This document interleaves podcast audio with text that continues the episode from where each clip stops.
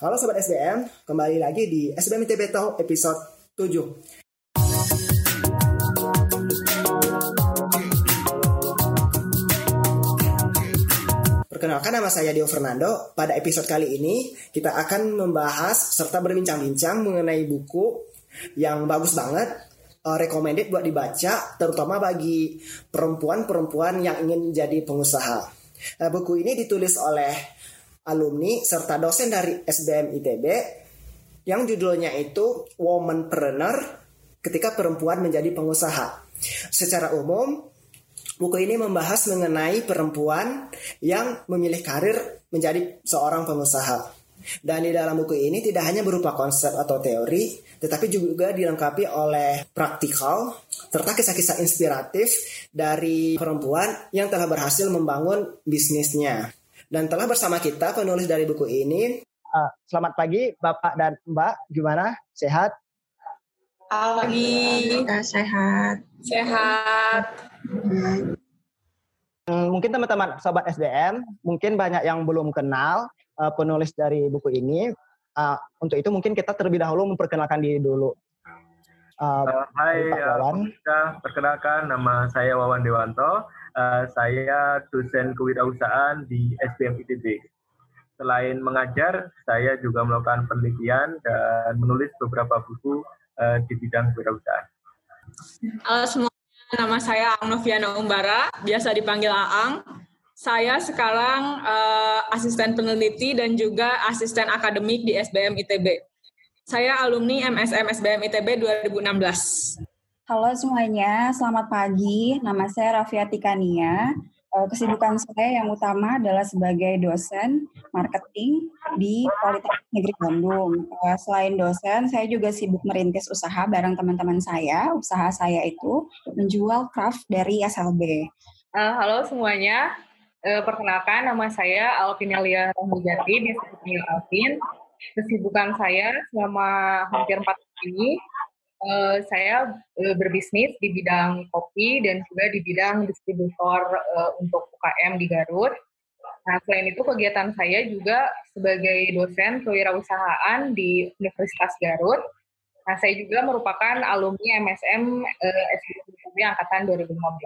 Selamat pagi, uh, perkenalkan nama saya Prameswara Anggahegari, uh, biasanya dipanggil Wara uh, dari 2011 saya memiliki bisnis menjadi distributor uh, perlengkapan uh, ibu dan anak. Uh, setelah itu uh, saya kuliah lagi uh, di MSM lalu menjadi saat ini uh, setelah menyelesaikan uh, studi doktor saya saya menjadi salah satu pengajar uh, paruh waktu di SBM ITB jadi biasanya mahasiswa SBM ITB akan ketemu saya di mata kuliah-mata kuliah lapangan seperti social entrepreneurship, eh, CSR atau community project. Selain itu, saya juga menjadi asisten peneliti dan juga aktif di berbagai kegiatan yang berhubungan dengan pemberdayaan masyarakat. Assalamualaikum, selamat pagi. Kenalkan, nama saya Isnaini Ruhulumiro. Uh, biasanya dipanggil Isnaini. Untuk kesibukan saat ini adalah saya sedang menginisiasi bisnis yang bergerak di uh, jasa online khususnya di uh, belajar speaking secara online.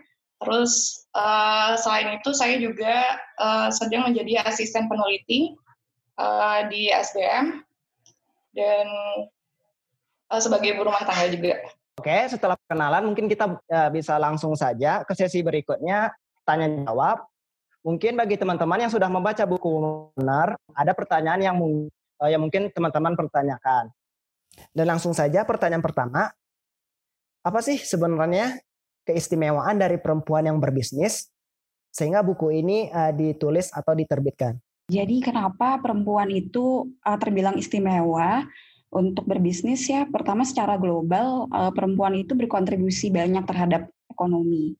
Uh, dia itu bisa menjadi indikator kemajuan ekonomi gitu ya di, di salah satu uh, riset yang saya baca. Terus uh, yang yang kedua adalah uniknya perempuan adalah dari gaya kepemimpinannya. Gaya kepemimpinan perempuan itu sifatnya feminim yang mengutamakan empati, perasaan kepada manusia dan itu sekarang lagi booming gitu. Uh, terus kenapa sih buku ini mesti membahas tentang womanpreneur dari segi pertumbuhan ekonomi, terus gaya kepemimpinan dan juga tantangannya karena di Indonesia belum banyak buku yang membahas tentang wanita secara mendalam gitu ya, tentang woman planner secara mendalam. Terus juga saya juga pernah baca sebuah artikel kalau di Indonesia tuh udah lumayan banyak pengusaha wanita. Kurang lebih ada 90% kalau nggak salah pengusaha di UMKM itu isinya, itu di, didominasi oleh wanita. Dan juga masih minim panutan untuk pengusaha wanita sehingga buku ini tuh diciptakan untuk womanpreneur seperti itu kurang lebih. Di bagian awal buku ini ada bagian yang peran keluarga terhadap pengusaha wanita dan penjelasan yang diberikan sepertinya mencoba mengatakan bahwa keluarga menjadi salah satu motivasi terkuat untuk berbisnis. Tetapi sebenarnya bagaimana peran keluarga dalam terbentuknya womanpreneur tersebut? Ini uh, saya akan berusaha jawab karena kebetulan uh, part mengenai uh, bahasan keluarga itu memang uh, part yang saya tulis. Uh, jadi awalnya ini berdasarkan pengalaman saya pribadi ketika saya mulai bisnis. Saya akan cerita sedikit. Jadi awalnya ketika saya mulai merintis bisnis itu adalah persis ketika anak pertama saya lahir di tahun 2011.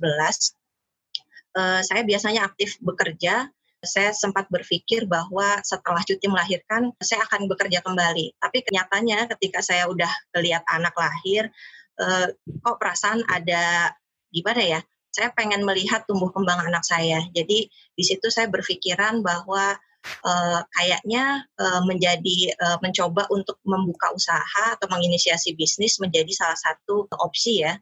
Uh, lalu saya coba tukar pikiran dengan suami, suami setuju oke akhirnya di situ singkat cerita hmm, saya nekat nih uh, saya coba riset pasar saya gabung dengan komunitas-komunitas ada komunitas ibu-ibu lah waktu itu banyak di situ saya riset pasar saya cari tahu tentang demand-nya itu seperti apa, saya belajar mengenai produk eh, produk-produk knowledge, saya berusaha untuk uh, membangun network juga dan akhirnya sih ya alhamdulillah uh, usahanya lancar dan berkembang. Nah, jadi ketika saya uh, sedang riset dan mendekati para ibu-ibu ini juga untuk sharing, sebetulnya saya mendapat banyak uh, inspirasi. Jadi ketika saya menulis bab mengenai keluarga ini, sebetulnya hal ini diinspirasi juga oleh mereka. Jadi um, banyak cerita-cerita yang sangat inspiratif mengenai bagaimana para perempuan ini bisa menjadi uh, istilahnya pengusaha yang keren, yang sangat inspiratif, uh, walaupun mereka juga struggle dengan uh, permasalahan keluarga. Jadi mungkin nanti uh, kalau baca di bukunya ada banyak sekali cerita-cerita tentang bagaimana ketika para perempuan ini, teman-teman saya ini sesama pengusaha, mereka awalnya memang uh, dalam tanda kutip terpaksa menjadi pengusaha karena misalnya uh, suaminya sakit dan tidak bisa memberi nafkah uh, lalu uh, ada anggota keluarga yang sakit, jadi tidak memungkinkan dia untuk uh, kerja full time kantoran. Jadi di sini juga ada cerita-cerita yang cukup memotivasi karena memang ada yang terpaksa menjadi pengusaha, tapi ada juga yang memang cita-citanya menjadi pengusaha karena dia melihat bahwa uh, sebagai seorang ibu itu menjadi salah satu uh, cara untuk membalancekan uh, antara mereka ingin uh, mempunyai penghasilan, tapi juga sebagai bentuk ibadah mereka, uh, mereka membuka usaha, memberikan kesempatan kerja bagi orang lain, dan juga memberdayakan sesama. Jadi di sini saya lihat keluarga itu punya porsi yang sangat besar dalam menentukan bagaimana para perempuan ini uh, akhirnya switch ya, mungkin dari awalnya kerja kantoran dan mungkin akhirnya uh, pindah menjadi pengusaha. Gitu sih, Dew selain faktor ekonomi, mungkin faktor apa lagi ya Mbak yang mendorong eh, wanita atau perempuan buat menjadi uh, pengusaha gitu? Ya, uh, mungkin uh, saya tambahkan lagi sedikit uh, berdasarkan riset saya. Uh, tadi ada yang terpaksa. Kalau yang terpaksa itu memang karena akhirnya uh, dia tak punya pilihan lain uh, untuk usaha-usaha yang mikro dan usaha kecil. Mungkin banyaknya karena mereka membantu uh, untuk menambah pendapatan keluarga.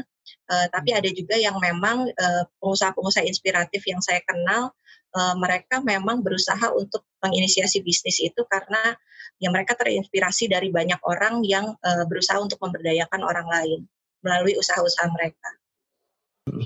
Dan mungkin selanjutnya kita menanyakan tentang untuk meningkatkan jumlah partisipasi perempuan dalam berbisnis di Indonesia, program apa yang mungkin bisa dicanangkan atau digalakkan oleh pemerintah untuk mencapai tujuan tersebut? Saya akan bantu coba jawab ya iya. terkait dengan masalah ini. Jadi bagaimana caranya agar ada peningkatan jumlah pengusaha perempuan di Indonesia? Sebenarnya untuk kondisi sekarang dengan adanya akses teknologi, sosial media gitu, eh, akan lebih mudah sebenarnya untuk eh, apa para perempuan untuk memulai bisnisnya. Cuman yang dipertanyakan adalah apakah bisnisnya berlanjut, berkelanjutan, yang kedua apakah bisnisnya akan berkembang atau tidak. Sebenarnya tantangan utamanya itu adalah hal dua hal tersebut. Dan dua hal tersebut itu eh, bisa yang menjadi faktor permasalahannya adalah yang pertama harus ada akses modal. Yang kedua, eh, harus ada pendidikan dan pelatihan yang memang sifatnya itu ditujukan benar-benar untuk eh, perempuan. Nah, kenapa antara akses modal dan pendidikan dan pelatihan yang sifatnya memang cukup untuk perempuan ini?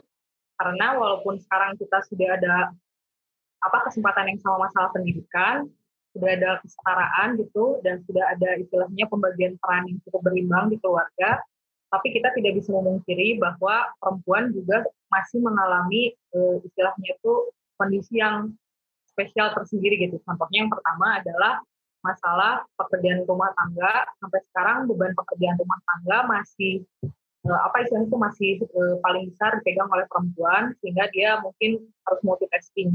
Kesulitan membagi waktu untuk mengembangkan bisnisnya dan yang kedua adanya hambatan sosio kultural. Jadi tidak semua uh, istilahnya itu secara sosial budaya memang mendorong perempuan menjadi pengusaha yang sifatnya sebagai apa breadwinner gitu atau yang membawa uh, penghasilan gitu. Tapi mungkin hanya untuk sekedar mengisi uang. Nah, kalau misalnya kita ingin perempuan benar-benar semakin banyak yang menjadi pengusaha, nah kita harus istilahnya mengakui ada permasalahan tersebut.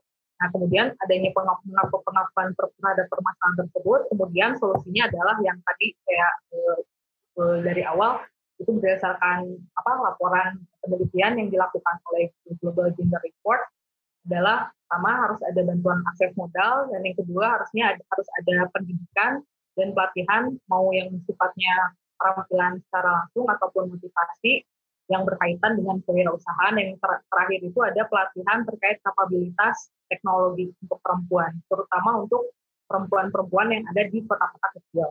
Jadi sih saya menurut Mbak Alpin sekarang yang program yang dicanangkan pemerintah itu sudah nggak apa sudah mewadahi semua perempuan di Indonesia atau sudah efektif berjalannya?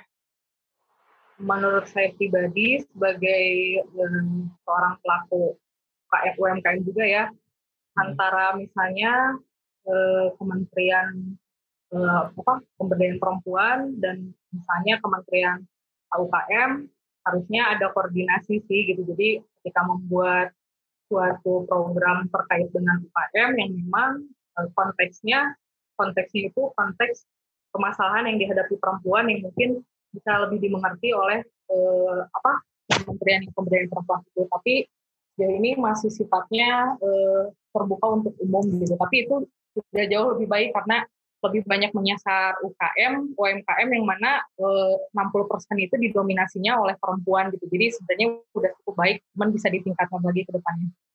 Nah, Mbak Alpin ini juga sebagai seorang UMKM, ketika mungkin ingin mendapatkan pemodalan dari pemerintah, itu ada perbedaan gitu nggak Mbak antara perempuan dan laki-laki?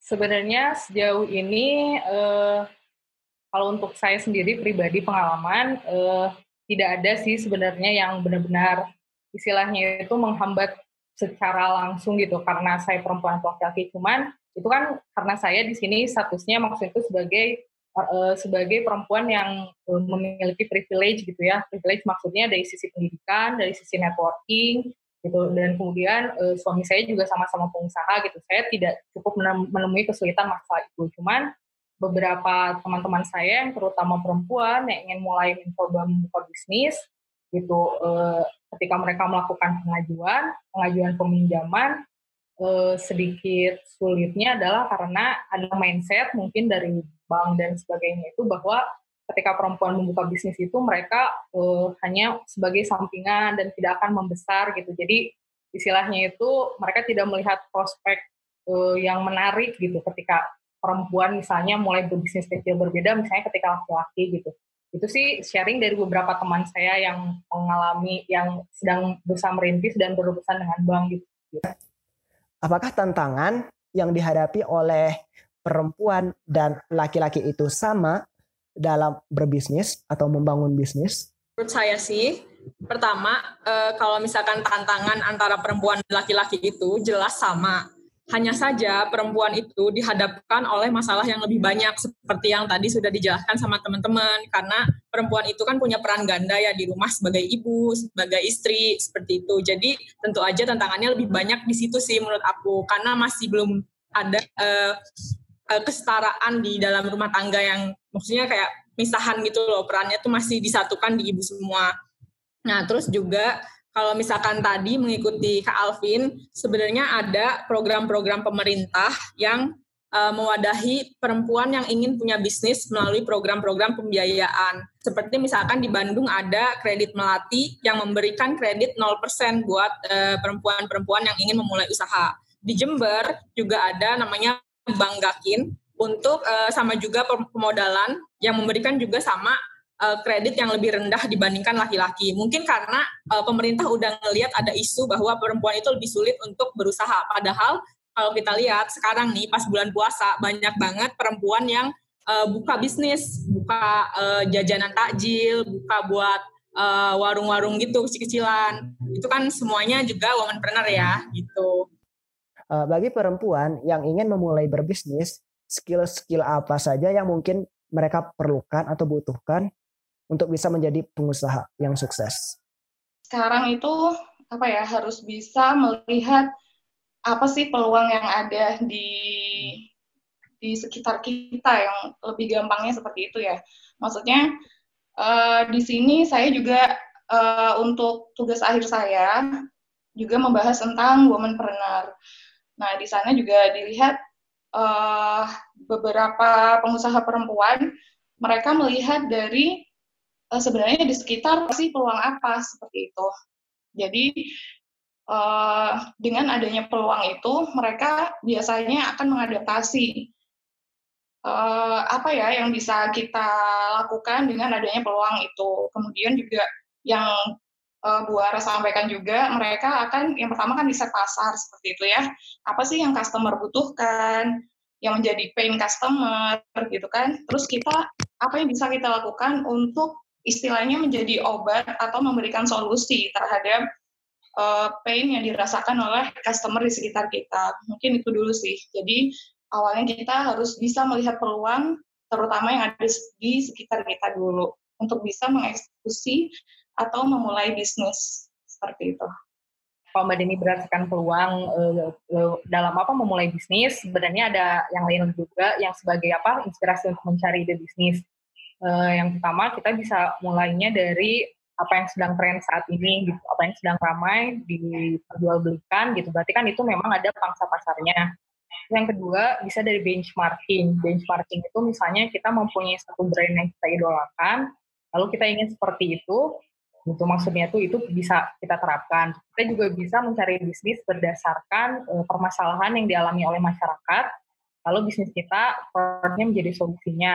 Lalu kita juga bisa uh, istilahnya itu berbisnis dimulai dari uh, fakta dan data. Jadi sering kali misalnya perusahaan-perusahaan besar, misalnya GoFood gitu. Ini kalau yang di kuliner misalnya mengeluarkan laporan setiap akhir tahun gitu 2019 misalnya apa ternyata penjualan produk yang paling tinggi nah itu bisa kita jadikan dasar dasar juga untuk misalnya memulai bisnis jadi bermacam-macam cara mencari cara memulai bisnis itu dalam buku ini harapan dan pembelajaran apa yang ingin disampaikan kepada calon pengusaha perempuan atau pengusaha perempuan. Sesuai background tadi yang sudah disampaikan oleh teman-teman terkait kenapa sih kita uh, menulis tentang buku ini uh, udah dijelaskan ya di depan.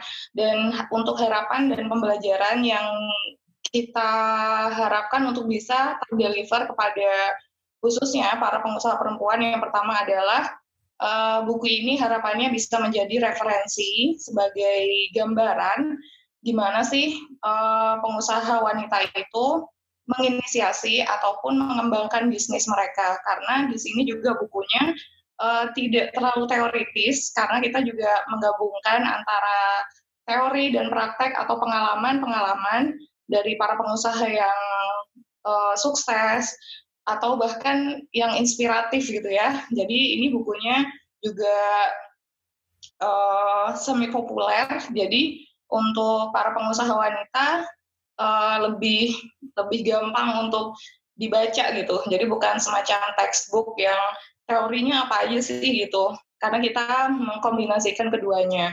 Nah, yang kedua adalah harapan kita uh, buku ini bisa memotivasi para calon pengusaha perempuan ataupun para pengusaha perempuan yang sedang struggling untuk mengembangkan bisnisnya.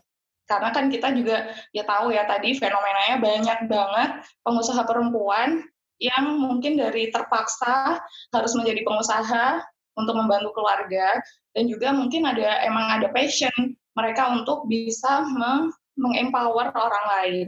Nah, jadi intinya untuk para pengusaha perempuan atau calon pengusaha perempuan jangan pernah takut untuk memulai bisnis karena udah banyak stakeholder yang uh, siap membantu baik dari uh, tadi pemerintah juga ada mungkin ya semacam komunitas dan sekarang kan juga ada ini ya apa uh, uh, badan yang memberikan uh, invest badan investasi yang akan memberikan bantuan modal seperti itu. Jadi untuk uh, para perempuan jangan takut untuk memulai bisnis.